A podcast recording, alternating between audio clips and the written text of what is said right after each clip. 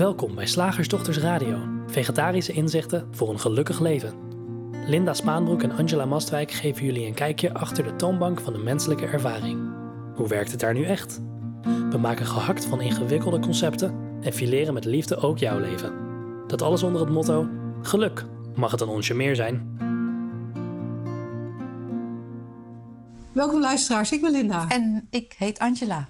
En vandaag willen we het graag met je hebben over ervaringsdeskundigheid. door verschillende gesprekken die we hebben gehad, eh, ontstond er een mijmering over Ja. ervaringsdeskundigheid, omdat tegenwoordig nou, heel regelmatig en met su- succes ervaringsdeskundigheid ingezet wordt in verschillende soorten van, ja, wij denken vooral psychologische begeleiding. En dan is het idee dat je, doordat je dezelfde ervaring hebt gehad, weet wat de ander meemaakt of voelt. Ja, En toen vroegen we ons af, ja, is dat ook zo? Gaat dat niet heel erg uit van het oude paradigma? En jij had dit, eh, jij had dit Ja. onderwerp genoteerd in ons, eh, in Ja. ons virtuele schriftje. Ons virtuele radioshow schriftje, sch- schriftje. En toen ik het zag staan, ervaring de- deskundigheid.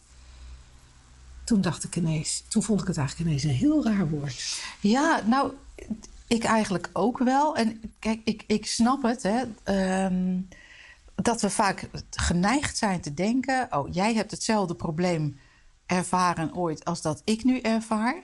Jij bent daar uitgekomen. Dus dan ben jij ook de aangewezen persoon om mij te helpen om hier uit te komen. Ja, maar in hoeverre ben je Ja. er echt uitgekomen? Nou, er zitten hier zoveel aspecten aan, want dat is, dat is één aspect. In hoeverre ben je er echt uitgekomen? Geloof je nog in zo'n, laten we even zeggen, bijvoorbeeld in een label of überhaupt labels?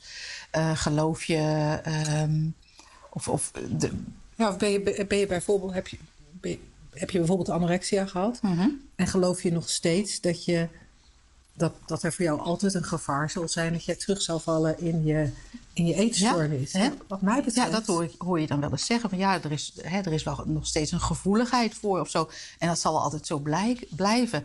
Ja, ben je er dan echt eh, uitge, uitgekomen? Is er dan echt iets ingezien waardoor het volkomen ehm, weg is gevallen? Waardoor, hè, is, heeft er zo'n shift plaatsgevonden dat het echt niet meer in je bewustzijn zit? Overigens realiseer ik wel, als we er zo over zitten te praten, dat wij wel kijken door onze bril, Ja, onze, onze absoluut. 3P-bril, waardoor we weten dat iets volkomen weg kan vallen. Ja.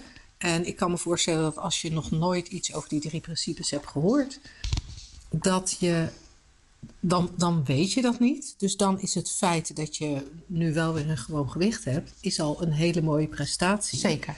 En, en dan kan ik me voorstellen dat andere mensen denken: oh, dat wil ik, dat wil ik ook graag. Dat, en dat snap ik ook. Ik zie dat ehm, op, op die, die, die enkele keer dat ik op Instagram zit. Maar meen ik dat op Instagram ook wel te zien dat. ehm, nou ja, is één iemand eh, die, die, die wij als slagersdochters met ons slagersdochters account volgen. Omdat ze ons boek een keertje genoemd heeft eh, op Instagram of op haar blog. En toen vond ik het leuk om haar daarvoor te bedanken. Daar moesten eerst vrienden voor zijn. Dus wij, wij, volgen haar nu. En, eh, en als ik haar volg, dan is het iemand die met heel veel passie ehm, probeert aan andere mensen te laten zien hoe het haar lukt om zo'n druk leven met af en toe best wel depressieve episodes, om daar door te komen. Hè, om, om, om, Ja. Om dat te verdragen, eh, om daar misschien iets van verbetering in te brengen. En dat lijkt, dat lijkt mensen dan wel een soort hoop te geven. En dat heeft aan de ene kant iets cools, maar aan Zeker. de andere kant, wat zo zonde is, dat je dan wel met elkaar binnen de beperking naar oplossingen blijft zoeken. Dat je al blij bent met een klein beetje beter. Eigenlijk omdat je niet weet dat ja, een totaal andere ervaring van het leven mogelijk is. Ja. En dat is dan Ja, en wat je ook vaak merkt is dat, dat er dan heel erg gezocht wordt naar het hoe. En dat snap ik, hè. Ik, dat snap ik. Hoe doe je dat met, met, weet ik als je kind anorexia heeft? Hoe doe je dat als... nou, als je s'nachts niet slaapt. slaapt. hoe Hoe, doe je dat? doe je dat als je heel veel last hebt van stress? Hoe doe je dat met een eh, verleden waarin je echt eh, iets hebt meegemaakt, wat, eh, misschien langdurig zelfs, wat, wat eh, ontzettend vervelend uh, werd ervaren. Um, dus vanuit die kant ook bekeken, dus die vraag die snap ik ook helemaal. Alleen, ja, hoe doe je dat? Dan krijg je dus andermans goede idee of andermans inzicht. En dat hoeft voor jou niet jou, laten we even zeggen, weg te zijn. Of jou of het inzicht te zijn wat voor jou beschikbaar is. Uh, de, de, misschien is er een stappenplan ontwikkeld wat helemaal niet resoneert bij jou. dus als je het gaat, daaraan af gaat meten van hoe, hoe je dat doet, uh, daar, daar zitten dus allerlei haken en ogen aan, wat mij betreft. Terwijl, we spreken hier even over eigen parochie, uiteraard zoals we altijd doen. Als je gewoon kijkt naar zijn algemeenheid, hè, dus niet specifiek gericht op één bepaalde ervaring, maar in zijn algemeenheid, hoe voor iedereen, iedereen, jong en oud, van wieg tot graf, de menselijke ervaring werkt, hoe dat proces is, wat mind consciousness en thought in elk moment, de, werking daarvan in elk moment tevoorschijn tovert. Dus hoe je menselijke ervaring werkt, dan maakt eigenlijk het soort ervaring niet meer uit. En daarom vinden, vinden wij van WC Eend uh, het veel uh, nuttiger en diepgaander om naar de werking van die drie principes te kijken. Heb je daar dan wat aan met als je in de stress zit, als je een burn-out hebt, als je een kind met anorexia hebt, als je uh, jezelf te dik vindt, als je te dik vindt, fysieke pijn hebt. Als je, laten we het even een trauma noemen, uh, denkt te hebben. Helpt het jou dan? Ja, want je gaat echt naar het hart van de menselijke ervaring en hoe dat voor iedereen werkt. Niet de specifieke inhoud en, en de opdrachten die daarin doen zouden zijn. Of de inzichten die specifiek daarvoor van toepassing zouden kunnen zijn. Want dan heb je al snel een soort gevaar voor de mensen die hier alleen naar luisteren. Ik zit aanhalingstekens in de lucht te maken. Er is natuurlijk helemaal geen gevaar. Maar het, het kan een valkuil worden van dat, dat, uh, dat je alleen maar luistert naar hoe, hoe doe ik dat? En dan ga je dat proberen te doen, proberen toe te passen. En die drie principes gaan helemaal niet over het toepassen. Want wat er vanuit dat nieuwe uitgangspunt, het nieuwe inzicht, het nieuwe, je nieuwe bewustzijn zou je kunnen zeggen, of je nieuwe um, helderheid of het nieuwe moment gewoon. Wat er dan te doen is, dat, dat zie je vanzelf wel. Dat, dat merk je vanzelf wel. En wat een, niet langer logisch is, dat valt dan vanzelf weg. En is ook zo een, veel eenduidiger dan dat je gaat luisteren naar iemand die dezelfde ervaring heeft als jij. Hoe behulpzaam het ook kan lijken. En als je wil luisteren, doe dat vooral. Weet je Luister, uh, luister vooral naar wat je zelf wil. Ja. Maar wat, wat, wat mij vooral raakte in het woord ervaringsdeskundigheid, is dat het ervan uitgaat dat een bepaald gegeven, laten we even zeggen misbruik, laten we even zeggen anorexia, of een kind daarmee, of uh, nou ja, wat, wat, je dan ook, hè, wat dan ook de ervaring is, dat die op dezelfde manier ervaren wordt door iedereen. Nou, het proces van ervaren is hetzelfde. Maar de ervaring van bijvoorbeeld wat we uh, um, drukke werkomgeving noemen, ik zeg maar wat, vindt van binnenuit plaats. En daarom vond ik ervaringsdeskundigheid ineens heel raar. Want ik kan natuurlijk uh, praten met iemand die hetzelfde mee heeft gemaakt als ik aan de buitenkant. Hè? Van, oh, wij zijn allebei uh, vroeger geslagen. Ik zeg maar even wat. Maar hoe de ervaring van binnenuit is, dat is volkomen uniek. Want dat is heel persoonlijk. En die kan wel totaal anders zijn. En, en in dat kader vond ik ervaringsdeskundigheid ineens eigenlijk heel raar. Ja. Ja. Ja, sowieso ja. Het hele weten wat de ander meemaakt of voelt. Je kunt eigenlijk alleen maar je eigen ja. herinneringen over die gevoelens. Absoluut. Dat is het ook nog eens. Hè? Er zitten ja, ook tussenstappen in. Ja. Het zijn je herinneringen over wat je meemaakte toen jij zelf anorexia had of toen jij zelf Zeker. geslagen werd. Het zijn uh, herinneringen aan de gevoelens die je toen had. En dat ja, dat, nogmaals, ik zei het net al, dat is een extra filter. Herinneringen zijn zeer onbetrouwbaar. Maar het belangrijkste, het is wat jij op dit moment. Want, want dat is het ook nog. Dat is, het is wat jij op dit moment ervaart. Als ik nu praat over. Hè, want mijn ervaringsdeskundigheid op het gebied van chronisch pijn en, en nu niet meer. wordt natuurlijk ook nog wel eens aangesproken. Als ik nu praat over de pijn die ik had dan praat ik op basis van een herinnering. Ja. En of die betrouwbaar is, we hebben geen idee. Voor mij ziet hij er heel betrouwbaar uit. Maar het is een herinnering. En zelfs als ik nu heel veel pijn, pijn zou zitten te hebben, Mhm. en ik zou dan kijken naar een ander die ook veel pijn heeft, het enige wat ik dan kan ervaren is mijn ideeën over mijn pijn. En dan kan ik dat een soort van spiegelen op die ander of projecteren op die ander. Volgens mij is projecteren het betere woord. Ja. Projecteren op die ander en dan denken dat ik het begrijp. Ja. Maar kloppen doet het niet. Nee. En, en Angela zei het net al, hè, betekent natuurlijk niet dat we het woord helemaal niet meer zouden kunnen gebruiken. Of dat, je nooit, dat je nooit zou mogen luisteren naar iemand die iets heeft meegemaakt wat jij ook lijkt mee te maken. Ja. En, Eh, want misschien, sorry, Ja. misschien, misschien zit daar iets in ja. waar je wat aan hebt. En misschien is het ook wel belangrijk hoe je daar met elkaar over praat. Want Ja. als, ik, als ik, mij wordt regelmatig gevraagd van, hey, hoe zit dat dan met jou dat jij eh, van die chronische pijn af bent? Dat, dat ziet er dan eh, wonderbaarlijk uit, magisch bijna. En daar, daar, kan ik, daar kan ik een verhaal over vertellen. Dat heb ik ook wel eens gedaan. Hè? Volgens mij hebben we er ook wel eens een radioshow over gemaakt. En zolang ik besef dat het een verhaal is, en zolang ik besef dat het erom gaat, niet dat de ander kopieert Nee. wat ik heb gedaan of wat ik heb gezien aan inzicht, maar dat mijn verhaal iets overdraagt dat wijst naar de werking van die drie principes, zodat iemand voor zichzelf kan kijken wat er voor hem of haar te zien is op dat gebied, dan kan, weet je, dan, dan kan het best heel nuttig zijn. Ja. Maar op het moment dat we met elkaar ja, een soort slachtofferschap. eh, eigenlijk, ja, ik weet niet, verheerlijk is niet het goede woord. Eh, en ik gebruik het woord omdat ik bij mezelf heb herkend dat ik heel makkelijk in de slachtofferrol kan. En dat dat misschien ook wel is wat bij die 25 jaar chronisch pijn heeft eh, meegewerkt.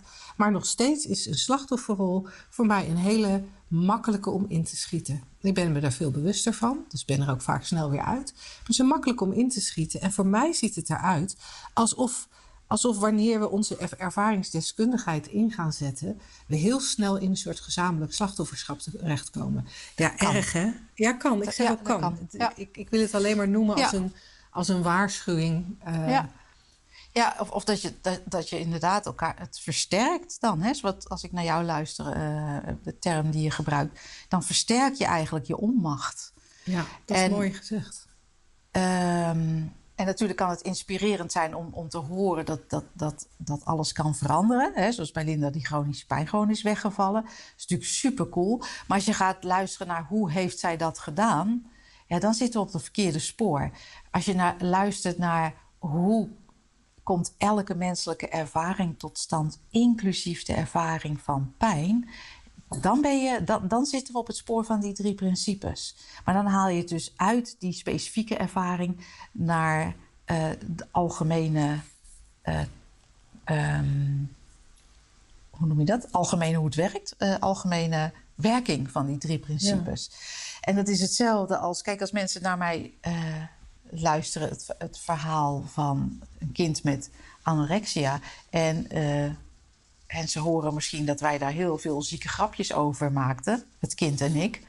Denken ze misschien ja, maar dat kan ik echt, dat kan. En dat vindt mijn kind echt, dat, zou, kunnen we niet maken. En, eh, en dat is een soort eh, het ontkennen. En, ehm, maar dan hoor je, hè, en dan ga je dus een soort al weerstand eh, kweken. En dan kan je niet meer horen, ja, maar waar kwam dat, hoe was dat mogelijk? Ja, door een inzicht aan deze kant. Dat, dat dingen heel serieus maken en een ding van dingen maken. Een ding maken van eten of van denken. Totaal niet behulpzaam is. Dat, was, dat was echt. eh, Ja, en, Terwijl ik het destijds helemaal niet zo benoemde hoor. Was het, eh, en dan, als je, dat, als je weet dat dat niet behulpzaam is, ja, dan, is er, dan is alles mogelijk. En in ons geval, bij dat kind en mij, was het dan logisch om zieke grapjes te maken. Want dat deden we altijd al, overal over. Dus waarom niet hierover?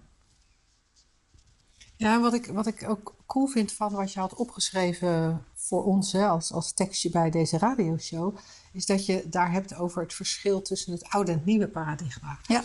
En dat is denk ik wel mooi om zo aan het eind van, eh, van dit gesprekje nog even te benadrukken. Dat vanuit het oude paradigma kan het super behulpzaam lijken om, als, om geholpen te worden door een ervaringsdeskundige op dat specifieke gebied, op Ja. dat ding wat jij ook hebt, vanuit het nieuwe paradigma waar wij over praten, is het, lijkt het veel behulpzamer om te praten met iemand die deskundig is op het gebied van het tot stand komen van de menselijke ervaring in zijn algemeenheid. Ja, dat is, dat is heel mooi eh, omschreven. En als er dan ook nog eens toevallig hè, zo'n ervaring is van... oh, die is van de chronische pijn afgekomen. Dat is eigenlijk een soort nou, eh, bonus, maar niet noodzakelijk. Nee, een bonus en, en, maar En tegelijkertijd een valkuil. bijna een valkuil. Ja, want, want wat ik net inderdaad. probeerde te zeggen, en ik weet helemaal niet of dat over is gekomen, maar dat je, je, je, je kan dan ook makkelijk met elkaar in een, Ja. in een soort. eh, kijk, ja, in, in de Ja. eigen wereldje terechtkomen. Van het is, heel, het is heel erg. Ja, Zoals destijds toen ik even in het begin van dat eh, eh, eh, gedoe met anorexia online ging kijken naar van, goh, hoe doe je dat eigenlijk? en, en daar allerlei, nou ja, fora of forums tegenkwam van ouders. Dus ik dacht, maar daar, wil, daar wil ik helemaal niet, daar wil ik echt helemaal niet, eh, niet in zitten. Wat een drama en wat een angst en wat een soort ook, ook nog vaak boosheid en wat een wanhoop en wat een verdriet. En ik dacht dat het was voor mij echt heel helder en dat kan je natuurlijk niet zomaar besluiten, maar dat was voor mij echt heel helder. Zo gaan we het niet doen. nee. Ga het gewoon niet doen. En natuurlijk ga je er niet over. En is er wel eens verdriet, of is er wel eens angst, of is er wel eens boosheid. Alleen ik zag destijds heel helder. Nee, de- deze slangenkuil, daar ga ik niet in zitten. Van, van, nou, het kan nog veel erger. ja. Of wacht maar tot. Of een klein beetje hoop van, van nou, die van mij is net weer. Nee, kijk, gewoon, eh, hè, wat jij net zei is eigenlijk een prachtige samenvatting. Van, vanuit het oude ar- paradigma kan het handig lijken. Vanuit het nieuwe paradigma is het ultiem handig om met iemand in gesprek te raken. En dat kunnen de slagersdochters zijn. Die, die ervaring, die, die kennis hebben van het tot stand komen van welke ervaring dan ook. Want dat is allesomvattend. En dan weet je niet eens wat er voor jou allemaal mogelijk is, hè? Want je komt misschien eh, om eh, van je stress af te komen. En, je, en, na een tijd hier deze kant op kijken of in gesprek te zijn... ehm, kun je nog heel veel andere dingen Ja. kwijtraken. Ja, ja, ja, of zoals ik, hè, ik ging, ik ging deze conversatie in omdat ik eigenlijk heel benieuwd was of, het, eh, of er een andere ervaring mogelijk was of inzicht mogelijk was op het gebied van eh, een, een liefdesrelatie. Ja, En ik kreeg ehm, eh, het einde van 25 jaar chronisch pijn. alsjeblieft. Niet die liefdesrelatie. Zeg, slagersdochters, hoe bak ik die vega-burger? Over naar de luisteraarsvraag. We hebben vandaag een vraag van Josien. En zij, zei van, ik stelde al eerder een vraag en er is een nieuwe opgekomen. Ik vraag me af of het nodig is om grenzen aan te geven. Het lijkt niet belangrijk, omdat je toch wel oké bent in elke situatie. En, en dat, dat is iets wat ze natuurlijk citeert uit, eh, uit de drie principes, zeg maar, vanuit inzicht vanuit de drie principes. En grenzen stellen is alleen gebaseerd op iets wat je denkt niet te kunnen of eh, kunnen volhouden of accepteren. Zo is, ik kan niet werken zonder pauze, ineens, ineens maar iets wat je gelooft, want je houdt het best wel vol uiteindelijk. En je werkt lekker door. En zo niet, dan val je toch wel om. Dus als iemand je dat oplegt, waarom zou je dan meteen in de weerstand gaan? En nu lig ik met een hernia op bed, omdat het kennelijk toch niet zo werkt. Maar was het dan toch niet handiger om wel aan te geven dat je pauzes nodig hebt? In welke valkuil trap ik hier? Hopelijk mijmeren jullie wat helderheid in dit concept. Oh, die is heel leuk, ja. Want ik vind sowieso de constatering, dat is even een zijpaadje, hè, Josien. De constatering, ik lig met een hernia op bed omdat het kennelijk niet zo werkt. Maar dat weet je helemaal niet. Het gegeven is een hernia en dat kan je dan vaststellen door een foto. Maar als je een beetje met ons mee hebt geluisterd de afgelopen jaren... en ik vermoed dat jij dat gedaan hebt, Josien... dan weet je ook dat, uh, dat er al lang onderzoek is gedaan... naar het feit dat er eigenlijk weinig correlatie is... tussen een aangetoonde hernia en de pijn die de mens ervaart. Die kan, die, die, dat kan totaal tegenovergesteld zijn. Hè? Dus je kan drie hernia's uh, op de foto hebben en geen enkele pijn. Je kan geen hernia hebben en verrekken van de pijn die op een hernia lijkt. Dus die constatering, ik lig met een hernia op bed omdat het kennelijk toch zo niet werkt, dat weten we niet. Je ligt op bed en kennelijk is er pijn. En is er een foto met een, uh, wat we hernia noemen, hè? een uitstulpikje ja. van, uh, van een, tussen ruggenwervels. Anyway, dat gezegd hebbende, dit zijpaadje. Ja, ja en, en als, ik, als ik dan even terugga naar het verhaal wat, wat Josien opschreef in, eer, in eerste instantie, dan denk ik al, maar als ik tussen de regels doorlees, dat kan ik. Namelijk, ja, kan jij dat? dat kan. Dan zie ik heel veel wit. Linda. Ja, ik zie ook heel veel wit. En die vul ik dan lekker in met mijn eigen gedachten. Uh, want als je zegt van grenzen stellen is alleen gebaseerd op iets wat je denkt niet te kunnen volhouden of accepteren. Dat is interessant. Ja. Want grenzen, grenzen stellen, als ja. er al zoiets is, hè, dat, ja. dat, daar kunnen wij ook nog wel een boom over opzetten. Uh, maar stel dat er zoiets als een uh, grens stellen uh, bestaat, nee zeggen. Je kunt ook nee zeggen omdat je er geen zin in hebt. Of, of omdat hij gewoon je, zo opkomt. Of gewoon echt opkomt. zonder reden. Wil je vandaag dit of dat? Nee. Uh, kun je even doorwerken zonder pauze? Nee. Heb je dan een grens gesteld? Nee, dan ben je gewoon helder. En dat kan ook een ja zijn. Ik merk hier ook heel veel, heel veel denken. Hè? Heel veel ja. denken zit hierin. Ja, want als ik, het, als ik dan ook weer die wit, dat wit tussen die regels eventjes uh, uh, invul... dan denk ik, oh oké, okay. je krijgt geen pauze op je werk... maar dan wordt er tegen je gezegd dat je toch moet doorwerken.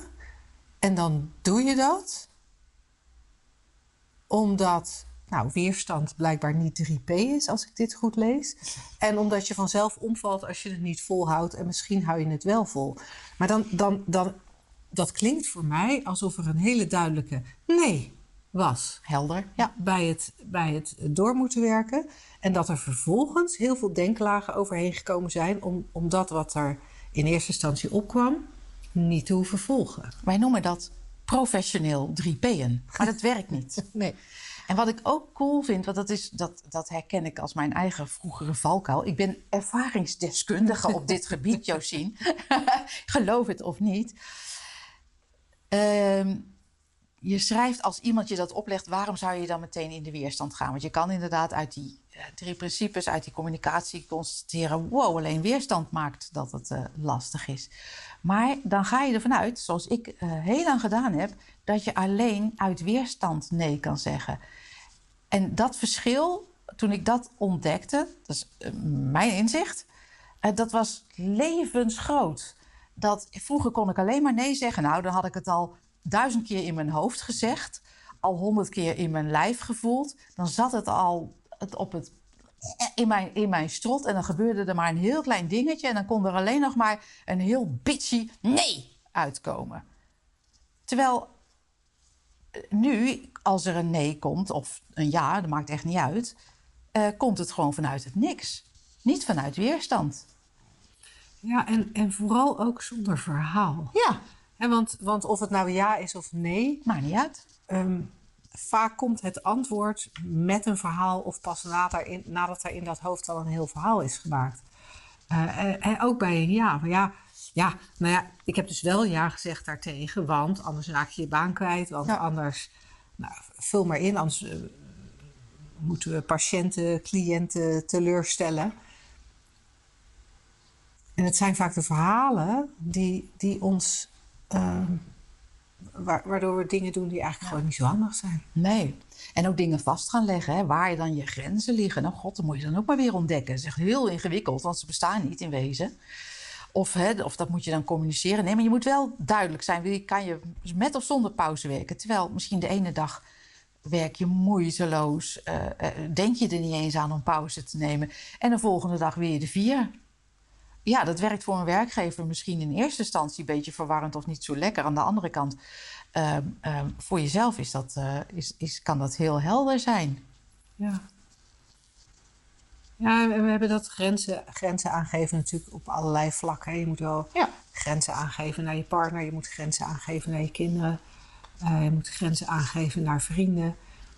Ehm, maar, maar net wat je zegt, dan ga je iets vastleggen wat helemaal niet vast is. Nee? Als ik nou naar onszelf kijk, wij, Ja. wij hebben wel eens, we, we zijn vandaag radioshows op, op kantoor om radioshows op te nemen. En er zijn wel, wel keren geweest dat we twee radioshows, een maandaanbieding voor de community eh, opnamen en ook nog een serie filmpjes. Ja. En nou, dit is nu de tweede radioshow die wij opnemen. Het ziet er echt naar uit alsof dit ook het laatste is wat we vandaag doen. Terwijl, eh, en, en, en niet omdat er geen tijd zou zijn, eh, maar gewoon, ja, nou, Gewoon, ja. blijkbaar is er Ja. geen zin of geen behoefte om door te gaan en dus gebeurt het niet. En ja, is dat een, is dat een grens aangeven? Nee, ja, het is gewoon wat er gebeurt. Het is gewoon en, wat er gebeurt. En ik, ik vertel dit vooral omdat het zo wisselt. De grens ligt nu blijkbaar bij twee radioshows. En op andere dagen ligt die... Is hij er niet? Die er niet. Gaan we, gaan we, denken we, oh nou, we moeten nu echt even wat eten. Of weet ik veel. Ja.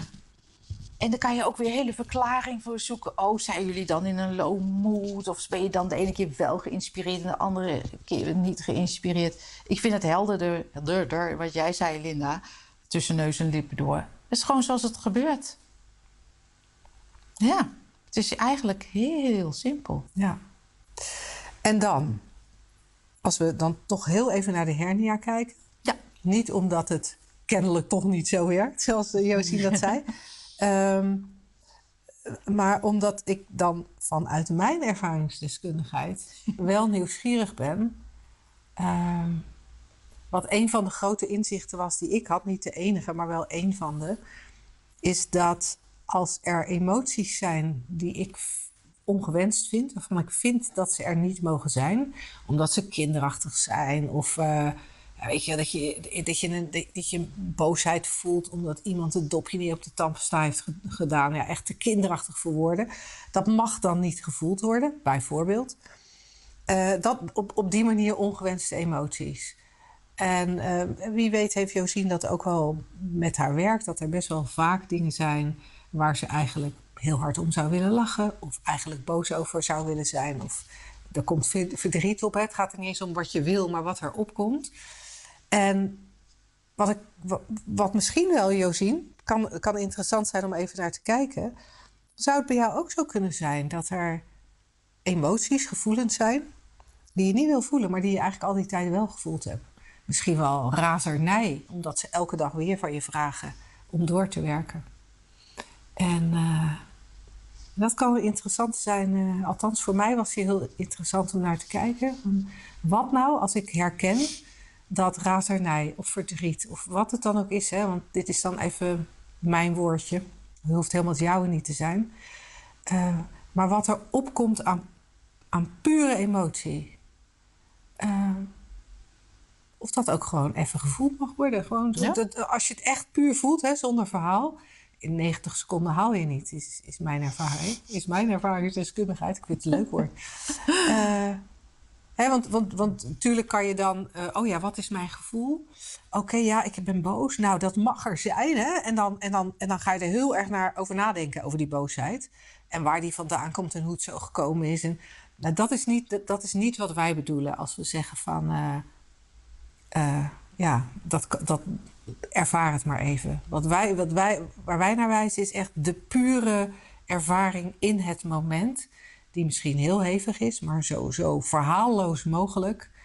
En dan ploep ploep ook weer weg is. Ja, en dan is er weer een nieuw moment. En in dat nieuwe moment, of dat nieuwe moment is van zichzelf altijd al een oneindige ruimte waar je alle kanten in op kan. En dat van, van ontslag nemen tot, eh, nou ja, Een goed gesprek. een met je goed baas. gesprek met je baas, tot eh, gewoon gaan zitten. Of weet ik veel. Maar daarin is alles mogelijk. Ja, want het doet me ineens denken. Ik, eh, een van ons had vorige week of de week ervoor een gratis shift sessie met iemand. als vaste luisteraar weet je dat misschien wel, omdat het soms in de iTunes, eindtunes genoemd wordt van deze radioshow. Dat wij elke week een gratis shift sessie verloten. Nou, iemand had die shift sessie. En dus nou, we hebben samen gekeken naar hoe die drie principes werken. En, uh, en, en daar was ook iets met werk wat helemaal niet meer fijn was en waar allerlei gevoelens bij waren. En, en we hebben samen gepraat over hoe de menselijke ervaring tot stand komt. Hè? Niet per se de inhoud, want die is eigenlijk nooit zo interessant. Is een algemeenheid over hoe ervaringen tot stand komen. En een paar dagen later kregen we een appje of een mailtje dat deze vrouw uh, naar aanleiding van het gesprek had ze iets herkend bij zich. Had ze iets herkend. Er was iets losgeraakt. Ik weet eigenlijk niet eens precies de inhoud van haar inzicht. Maar het maakte dat ze tegen haar man had verteld dat ze eigenlijk wilde stoppen met werken en het wel een beetje moeilijk vond om dan financieel afhankelijk te zijn. Nou, dat wuifde hij weg als: ik heb liever dat je gelukkig bent dan uh, zonder salaris dan gelukkig met salaris. En vervolgens is ze met haar baas gaan praten om te vertellen dat ze ontslag ging nemen. En die zei: nou, maar hoezo dan? En terwijl zij dat uitlegde, ontdekte ze dat eigenlijk het enige probleem was een, een voor haar verkeerde balans tussen haar werk en privé. En toen stelde die baas voor dat ze op een andere manier of minder, dat vertelde het verhaal eigenlijk niet, zou gaan werken. Het was het hele probleem weggevallen. En dat, en dat, dat vind ik zo cool dat je nooit weet, en daarom vertel ik het, dat je nooit weet dat als er een inzicht komt, wat het gevolg daarvan zijn, zal zijn. Want we denken dan dat als er ruimte komt, nou ja, ik vind mijn werk uh, waardeloos, dus dan moet ik ontslag nemen. Maar blijkbaar in die open ruimte kan er ook ineens gebeuren dat er een gesprek komt en dat dat gesprek een verrassende wending neemt. Absoluut, alles is mogelijk. Hè? Thought is puur potentieel alles kan opkomen qua gedachte of qua richting of qua oplossing of qua inzicht. Qua ervaring in zijn qua ervaring in zijn algemeenheid. Ja, cool. Woensdag, gehaktdag. Zeg slagersdochters, welk concept gaat er vandaag door de molen? Het concept van vandaag, daar moet, ik moet bij voorbaat er al om lachen. Ik hoorde hem een paar keer achter elkaar uitgesproken, hè? echt heel leuk. Ja, dus het, het concept dat jij hebt genoteerd is, ja, jij hebt makkelijk praten. En, en ik moest net even denken dat ik, zat, dat ik daar net zat te vertellen dat ik, dat ik soms nog wel eens uh, ja, in de gewoonte van slachtofferschap val. En, en dan, dat, dat is wel zeg maar een heel goed uh, recept om dit, dit, zo'n concept nooit voor je oren te krijgen. Want dan kan je altijd zeggen, ja, maar ik ben dus ook heel zielig, want... Um, ik hoop dat je merkt dat ik mijn eigen slachtofferschap niet heel erg serieus neem. Um, want ook dat komt gewoon op als een ervaring die opkomt. Ja. Hoeven we verder ook niks aan te vinden. Um, maar jij hebt makkelijk praten. Wordt, wordt ja, ik bedoel, jij, jij doet niet aan slachtofferschap. Gewoon nooit. Nou, Meer. zelden. Meer. dus jij krijgt de hele tijd te horen, ja, jij hebt makkelijk praten. Ja, ik, mijn slachtofferschap is altijd heel subtiel. Ik bleef altijd wel bij lachen. Dus bij een soort subtiel... Ik zie dat ook heel vaak bij, bij ondernemers. Uh, dan is het weekend of Pasen of zo. En dan sturen ze een tweetje de wereld in van... Nou, ja, het is Pasen, maar ik ben aan het werk... Uh, uh, ben toch aan het werk, maar ja, eigen bedrijf, hè, maar gelukkig inspireert me dit. En dan denk ik, oh, dat vind ik echt zo'n subtiele vorm van slachtofferschap. Ik wil wel even laten zien dat ik het heel zwaar heb. Maar ik vind het niet erg hoor, ik vind het niet erg hoor. Nou, dat was mijn slachtofferschap. Superleuk is dat. Maar, uh, maar jij hebt makkelijk praten inderdaad. Nou, ik vond het cool. Het werd een paar keer uitgesproken in verschillende contexten. En ik dacht, oh, maar als je dat uitspreekt, dan ga je uit van het oude paradigma. En zo werkt het niet. Want als je zegt, jij hebt makkelijk praten, dan ga je ervan uit dat, jouw ervaring, dat die ander jouw ervaring niet heeft. Maar dan ga je ervan uit dat het dus bijvoorbeeld, jij hebt makkelijk praten, want jij hebt wel een partner en ik niet. Jij hebt makkelijk praten, want jij hebt wel kinderen en ik niet. Jij hebt makkelijk praten, want jij hebt wel een gezin en ik woon alleen. Jij hebt makkelijk praten, want jij hebt wel werk en ik niet. Jij hebt makkelijk praten, want jij hebt wel geld en ik niet. Jij hebt makkelijk praten, want ik heb wel personeel en jij niet. Jij hebt makkelijk praten, want jij bent wel slank en ik niet. En denk maar, dan zijn we, als we dat zeggen, volkomen in verwarring over hoe de menselijke ervaring werkt. Je kan namelijk niet ervaren wat je denkt dat je ervaart. Je kan geen, geldgebrek ervaren, geen kinderloosheid, geen single zijn, geen, wat heb ik nog meer opgenoemd? Geen personeel hebben, geen Dik ehm, zijn. dik zijn. Je kan dat allemaal niet ervaren. Je ervaart een gedachte in dit moment. Punt. Dus iedereen heeft makkelijk praten, of niemand heeft makkelijk praten, maar de ervaring komt altijd van binnen naar buiten. Dus je kunt niet omstandigheden vergelijken. Want het Maar- zit nooit in de omstandigheden. Wat- There is no outside, zoals Sid Banks ook zegt. Wat ik ook zo leuk vind, nu, nu ik jou, zo naar jou luister, valt mij ineens op. Jij hebt makkelijk praten, ja, maar die ander ook. Die is namelijk heel makkelijk aan het klagen. Er, komt er komt met heel veel gemak komt er een woordende stroom aan klachten uit die mond. dus nee, jij hebt ook makkelijk praten, alleen over zeikdikken.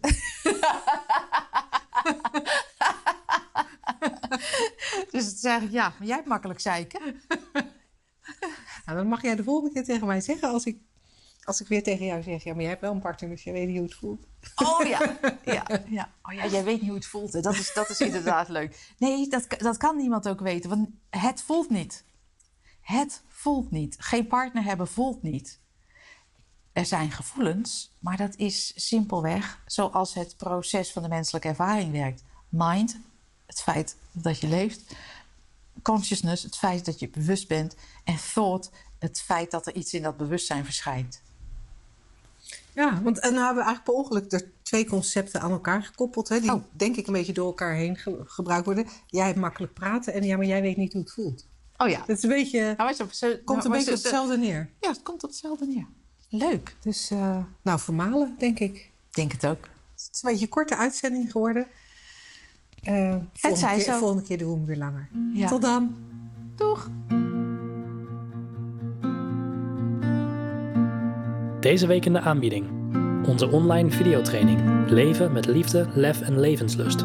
Bekijk hem op www.slagersdochters.nl slash gratis.